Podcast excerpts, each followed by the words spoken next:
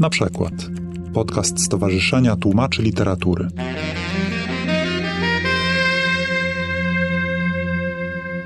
Dzień dobry.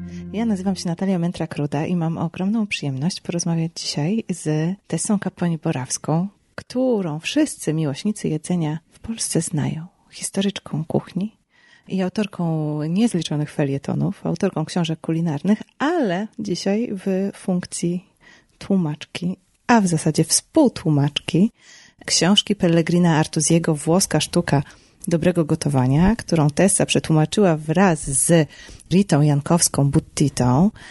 I chciałabym, żeby o tej pracy w tandemie i o tej pracy nad tekstem kulinarnym, ale tekstem historycznym jednocześnie nam trochę opowiedziała. Dzień dobry. To ja na początek bym Cię prosiła, Tesso, żebyś powiedziała parę słów o tym, czym w ogóle jest książka Pellegrina Artuziego we Włoszech i dla Włochów, bo to nie jest taka pierwsza lepsza książka kucharska. Nie. Y, ja bym powiedziała y, na samym początku, że Pellegrino Artusi i jego książka są pewnym mitem. To jest historycznie pierwsza książka kucharska włoska, ponieważ napisana po zjednoczeniu Włoch i która oprócz niektórych regionach ma przepisy z każdego zakątka tego nowego państwa. Jest więc także pierwszym bestsellerem kucharskim nowo zjednoczonych Włoch, która miała ogromnym sukcesem i x tam wydanie pomiędzy 1881 roku a 1911 roku, kiedy Artusi zmarł oprócz bestsellerem jest też longsellerem. I to, co mi się bardzo podoba, wydawcy określają jako evergreen. Nic wspólnego z pięknymi drzewami, które nie gubią liści, tylko książka, która się sprzedaje i która jest zawsze trzyma swój poziom, można powiedzieć, sprzedaży. Więc Artusi zaczyna jako bestseller, i potem się okazuje, że jest jedną z nici trwałych w historii kuchni włoskiej przez cały XX też wiek. I z ogromną też revival w latach 70. ubiegłego wieku, kiedy historyk literatury Piero Camporesi robi pierwsze wydanie krytyczne. Dlatego powiedziałam jedno z nici, bo Artusi trochę w okresie międzywojennym się gubi, bo mamy inni autorzy, inne autorki, szczególnie Ada Boni, autorką Il Talismano della Felicità, czyli Talizman Szczęścia, które trochę jest taka anti-Artusi, prawda? Jawnie też jest konflikt między już nieżyjącym Artusim a Boni, która proponuje kuchnię już bardzo, powiedziałabym, mieszczańsko-faszystowską, bardzo interesujące jeżeli się przeczyta kolejne wydanie Il Talismano della Felicità, wstępy. Wstęp z 1933 roku jest wybitny, ponieważ jest to określenie dobrej gospodyni faszystowskiej. Co kobieta powinna gotować, co nie powinna gotować, jak powinna się zachować i tak dalej, i co jej poniekąd łączy z Artuzim, jakby y, podkreślenie walorów kuchni włoskiej, języka włoskiego nad innymi kuchniami i językami, szczególnie jakby używanie francuskich określeń gastronomicznych. Więc Artuzi trochę traci w tym pojedynku, też po II wojnie mamy inną książkę Il Cucchiaio d'Argento, który robi wielką karierę wśród młodych mężatek. I Artusi dopiero zaczyna zyskać ponownie, jak mówiłam, e, na początku lat 70. I do dziś dnia funkcjonuje. Do dziś dnia jest to obowiązkowy prezent ślubny. Ja dostałam w swoim czasie w 85 roku, jak się pobrałam, aż dwie książki Artuziego. Jedna porządna, duża edycja, a druga taka kieszonkowa, żeby móc to zawsze mieć przy sobie. Dostałam też oczywiście duże wydanie, bardzo pięknie uprawione Adeboni, więc e, z tym całym bagażem wyruszyłam do Polski. I to mniej więcej jest to bardzo tak powierzchownie, czym to jest Artuzi dla Włochów. Tak? A powiedz, skąd się wziął pomysł, żeby Artuziego przysposobić językowi polskiemu? Bo to zupełnie nie jest oczywiste, żeby tłumaczyć na polski jakiekolwiek historyczne w ogóle książki kucharskie. Może wyszła Julia Child jedna, ale tak, to takich książek w ogóle nie ma. To jest dzięki fundacji Casa Artusi, która się mieści w Forlimpopoli, miejsce, gdzie Artusi się urodził, która od lat prowadzi bardzo prężną popularyzację nie tylko książkę Artuziego, ale też jego przepisy w formie różnych warsztatów i tak.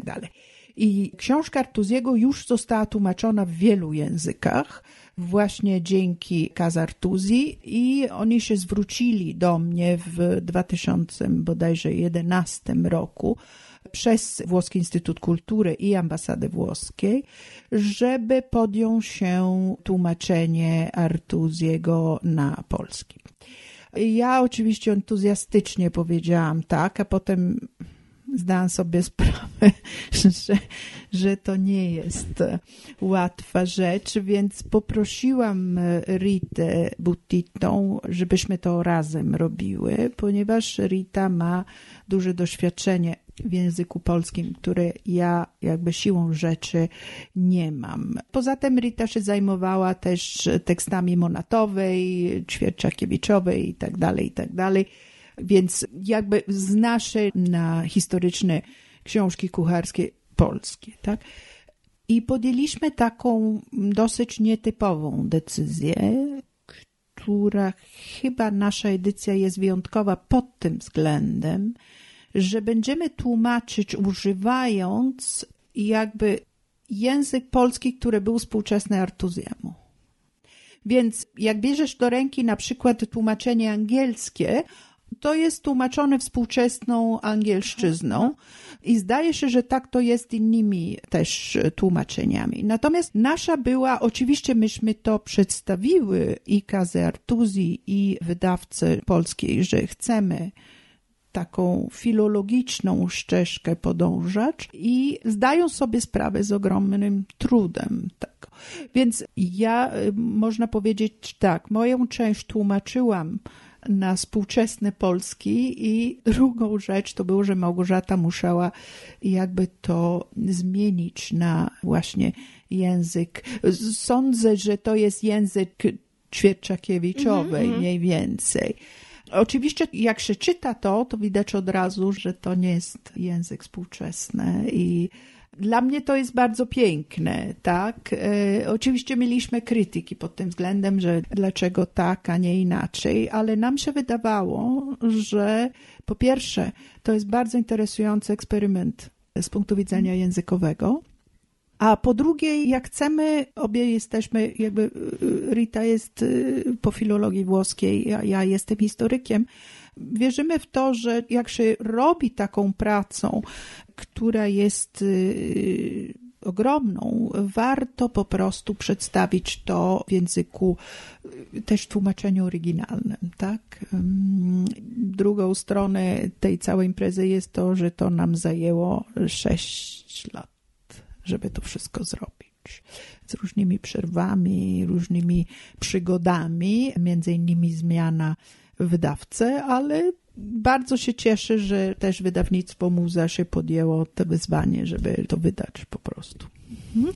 No to jest bardzo rzeczywiście ciekawa decyzja, chociaż w pewnym sensie wydaje się też naturalna, że jakby... Mnie się wydawało, że to jest no naturalne. No właśnie, że no jakby tak. jest to, to co, co byśmy pewnie jako tłumacze chcieli robić, oddając jakoś ducha, prawda, i traktując też e, po prostu książkę Artuziego jako dzieło literackie. Nie tłumaczylibyśmy pewnie XIX-wiecznej literatury włoskiej na współczesny polski, prawda? Tylko raczej, no mnie również ta decyzja się wydaje naturalną. Natomiast ona takie rodzi trochę pytanie, czym ta książka ma być, czym jest i do czego służy. Bo już Artuzi sam w sobie zakłada na przykład, jak łatwo zauważyć, dość duże w niektórych miejscach, przynajmniej w niektórych przepisach, kompetencje czytelnika, czyli na przykład mówi weźcie tę mąkę, mleko i ukręćcie beszamel. Nie tłumaczy, jak to się robi. Do tego, jeżeli dodamy tę filologiczną warstwę, No to właśnie, czy to jest książka kucharska, z której ktoś powinien gotować, czy ona służy do czegoś innego? Ja myślę, że to może być książka kucharska, z której można coś gotować. Ja na przykład niektóre przepisy używam, nie ukrywam. Natomiast to jest niewątpliwie książka poniekąd nieaktualna, tak? Mhm. Więc to, co myśmy chciały tą książką pokazać, to jest skąd się bierze to, co my nazywamy dzisiaj współczesną włoską kuchnię. Hmm? Gdzie ona ma swoje początki, bo bardzo trudno mówić o włoskiej kuchni, dlatego przykład Artuziego jest interesujący. On się stara zbierać przepisy z różnych regionów. Nie zapominajmy o tym, że jego feedback jest feedback czytelników, a właściwie czytelniczek. Więc pierwsza edycja ma około 400 przepisów i kończymy ostatnią edycję 790. Więc prawie dwa razy tyle, tak? I ten prawie dwa razy tyle przez te 20 lat to są przepisy, które on dostaje od czytelników, które on wypróbuje raz, dwa, trzy razy i potem włącza lub nie do kolejnej więc właściwie to jest książka napisana przez mężczyznę, ale wykreowana przez kobietę. W dużej mierze, w dużej mierze, bo panie bardzo lubią Artuziego, w związku z tym się dzielą tymi przepisami z nim. I to jest bardzo dobry obraz historyczny kuchni klasy średnio zamożnej bo nie można powiedzieć o kuchni arystokratycznej, która oczywiście bazowała w większości na kuchni francuskiej Belle Époque. Hmm? Jak przeczytamy na przykład menu Quirinal, to większość tych przepisów pochodzi z francuskiej kuchni. Natomiast to jest świetny obraz tej nowej klasy, która jest, powiedziałabym, kręgosłupem tego nowego państwa. Tak? A Artuzi jest też bardzo oddanym całą filozofią pozytywistyczną. I ta książka też, przede wszystkim komentarze, które on pisze do przepisów, bo, bo trzeba powiedzieć, Przede wszystkim, że to nie jest tylko suchy przepis.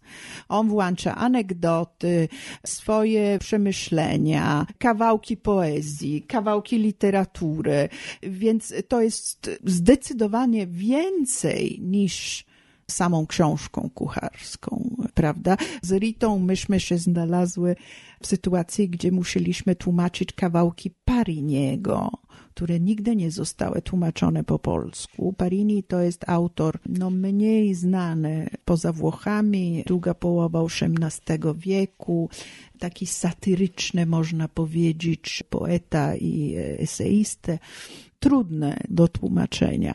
Więc y, to, żeby powiedzieć, że, że Artuzi jest też erudytą, tak? To, to nie traktuje to tylko i wyłącznie jako wademekum dla dobrej kucharki, czy dla dobrej pani domu. To jest też w tym wiele elementów kultury, literatury, historii, ale też dietetyki.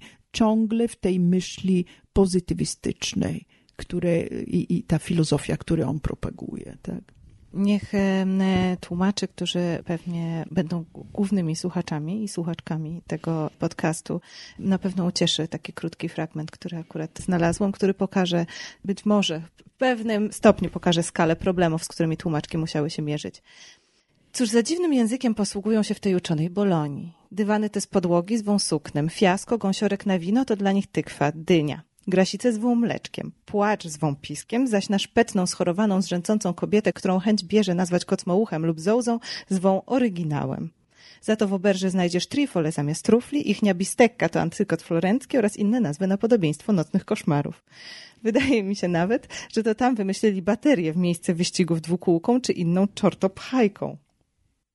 Tam też znalazła swoje miejsce słowo dzona, określające jazdę tramwajem konnym. No więc to jest początek, jeżeli by ktokolwiek miał wątpliwości, jest to początek e, przepisu na smażony podpłomyk, tak. który pokazuje, że ten przepis nie jest tylko przepisem na smażony podpłomyk.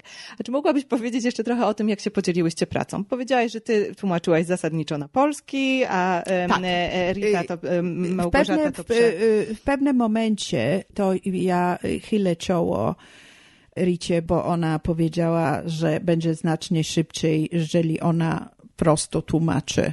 I ja będę się zajmowała całym aparatem przepisowym i całe, y, powiedziałabym, sprawami y, historycznymi co czyniłam, ale jak prawdopodobnie zauważyłaś, też przepisy są trudną sprawą, bo trzeba było się zdecydować, też dodatkowych przypisów włączyć, bo niektóre rzeczy, które dla słuchacza włoskiego współczesnego są absolutnie jasne, nie są oczywistymi dla polskiego czytelnika i vice versa, tak?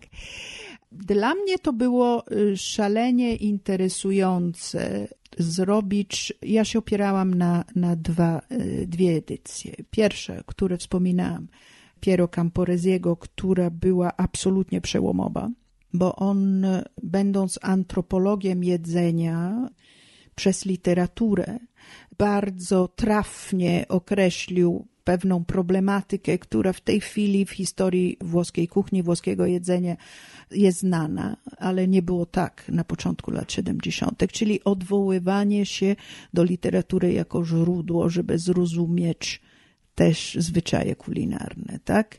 Rzecz, która dla nas dzisiaj jest oczywista, ale która wtedy nie była. I drugą edycją, świetną i powiedziałabym ostateczną, zrobiona przez Alberto Capattiego. Może powiem, że Alberto Capatti i Massimo Montanari są autorami absolutnie podstawową książkę o historii jedzenia w Półwyspie Apenińskim. Edycja Alberto Capattiego ma przypis na każdy przepis, która odwołuje się do każdej poprzedniej edycji Artuziego. Więc jest to niezwykle erudycyjne, niezwykle skomplikowane. Ja zdecydowałam tego nie uwzględnić e, w edycji polskiej, ponieważ dla polskiego czytelnika to nie ma żadnego sensu. To znaczy, miałby sens, gdyby ktoś zrobił na przykład wydanie Ćwierczakiewiczowej, biorąc pod uwagę różne edycje tej samej książki, ale pod tym względem nie. Więc musiałam e, jakby tworzyć na nowo każdy przypis do konkretnych przepisów też dla mnie był bardzo interesujący, jakby zgłębić i osobistą historię Artuziego i cała otoczka, powiedziałabym kulturalna jego życie i szczególnie jego życie we Florencji. Przypominam, że on żył bardzo długo, bo urodził się w 1821 roku i zmarł mając 90 lat, więc jego życie jest jakby też odzwierciedleniem najciekawszą część historii zjednoczenia, nie tylko, ale też te bardzo trudne dziesięciolecie po zjednoczeniu, aż do Wigilii wojny światowej. Więc on widzi też te zmiany jakby społeczne, które mają miejsce we Włoszech e, i też to ten okres czasu, który jest określony, ten okres czasu premiera Giolittiego, prawda, l'Italietta, czyli ta te Włochy drobnomieszczańskie, które wreszcie odnajdują swój sens bycia, które są, jak mówię, średnio zamożne i które niestety będą cierpiały najwięcej z powodu pierwszej wojny, tak? I to jest bardzo, powiedziałabym, znamienne, że to jest też ten kawałek społeczeństwa, który będzie potem popierał reżimu faszystowskiego, tak? Bo raptem czuje się oszukana i e, ograbiona własnymi sukcesami przedwojennymi. Hmm?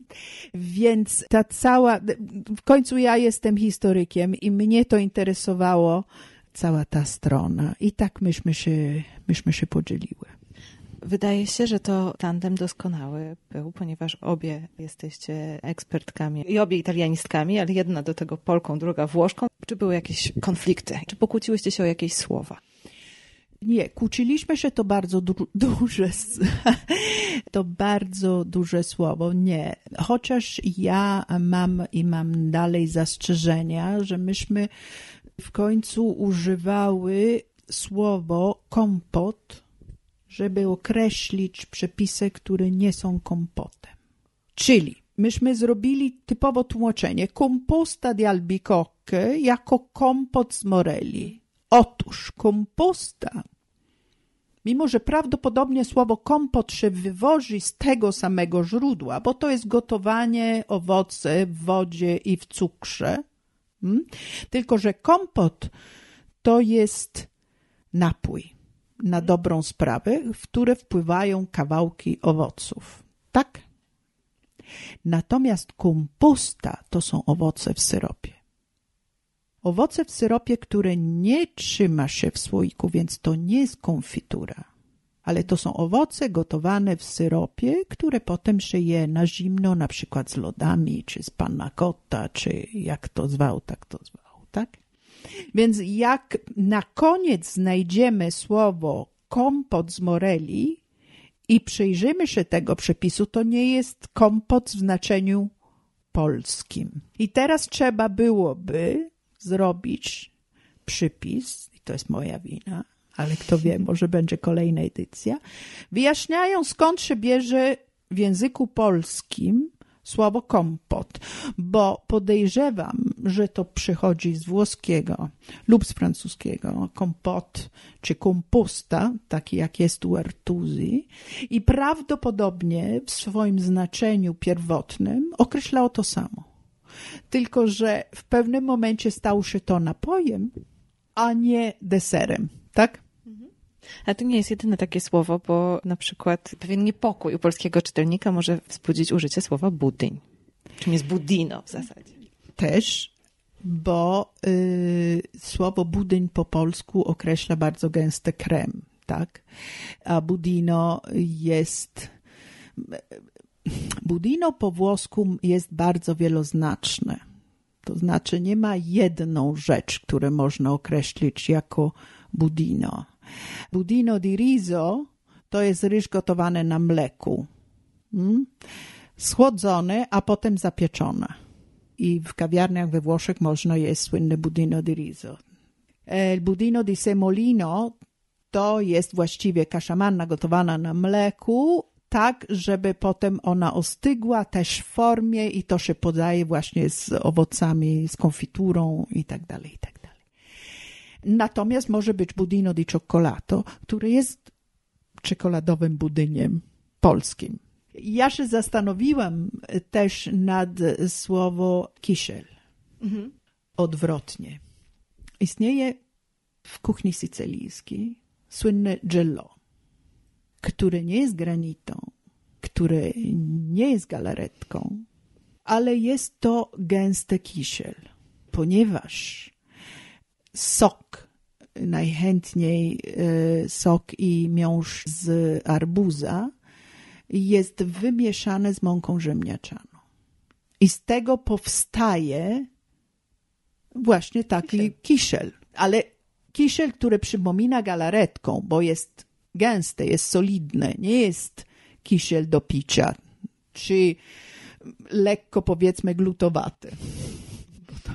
Pierwszy raz jak, jad, jak jadłam kisiel, bo to nie było do picia, to było kisiel z żurawinek, który ja uwielbiam, ale to miał konsystencję gluta. E, na Sycylii zagęszczacz do tego typu deserów to nie są listki żelatyny, tylko mąka ziemniaczana. Więc powstaje bardzo interesujące takie pytanie, tak? Jak to tłumaczyć, jak on ma pewne przepisy. Tutaj ma jedno przepis o żelo chyba. Jak to określić? To nie jest galaretka.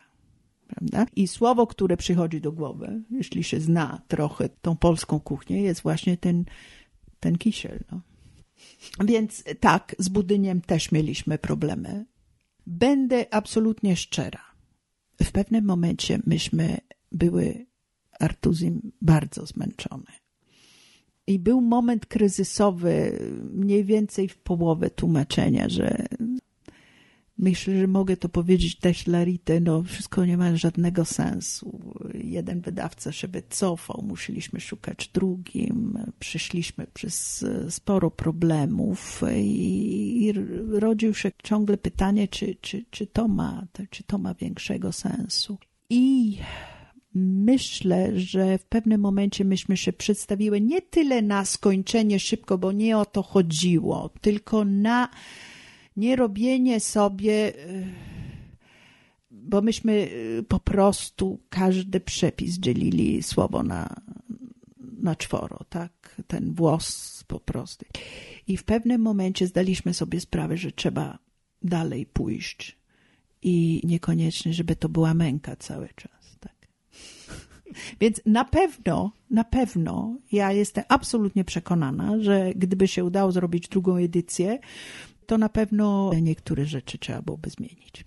Myślę, że praca nad tą ogromną liczbą przepisów musiała być rzeczywiście niezwykle trudna, bo one są najeżone. Myśmy wspomniały o dosłownie trzech słowach, które tak. budzą kontrowersje, czy które mogą być trudne, ale jak się tę książkę przegląda, to w zasadzie co chwila. Tutaj czym się różni sugo od salsa i czy jedno i drugie jest sosem, a tutaj jest słowo z formato przetłumaczone u was na 15 sposobów, tak. bo w zasadzie, prawda, znaczy bardzo wiele różnych rzeczy, ale jeden przepis, który jakoś zwrócił e, moją uwagę i którym tak na deser może chciałabym zakończyć, czy może spytać o to, dlaczego przepis, który nazywa się jajko dla dziecka po włosku, nuovo per un bambino, po polsku jest koglem moglem.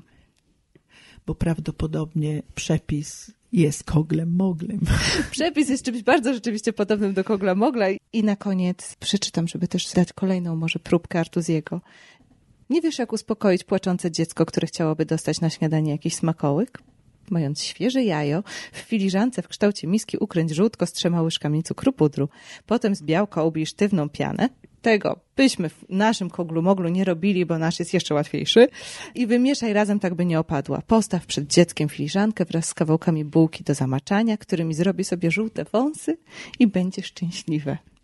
Tak jak... Biorąc pod uwagę, że Artuzi nigdy nie miał dzieci ani żony i żył z dwoma kotami, którym notabene zadedykował pierwszą edycję swojej książki. Biancone e Sibillino. Tak jest i które były y, największą miłość jego życia. Uważam, że ten przepis na kogiel-mogiel to jest y, rasowego dziadka, nie? Myślę, że tak. Myślę, że wypróbuję, bo, bo nie mogę się doczekać, kiedy moje dziecko będzie miało żółte wąsy i będzie szczęśliwe.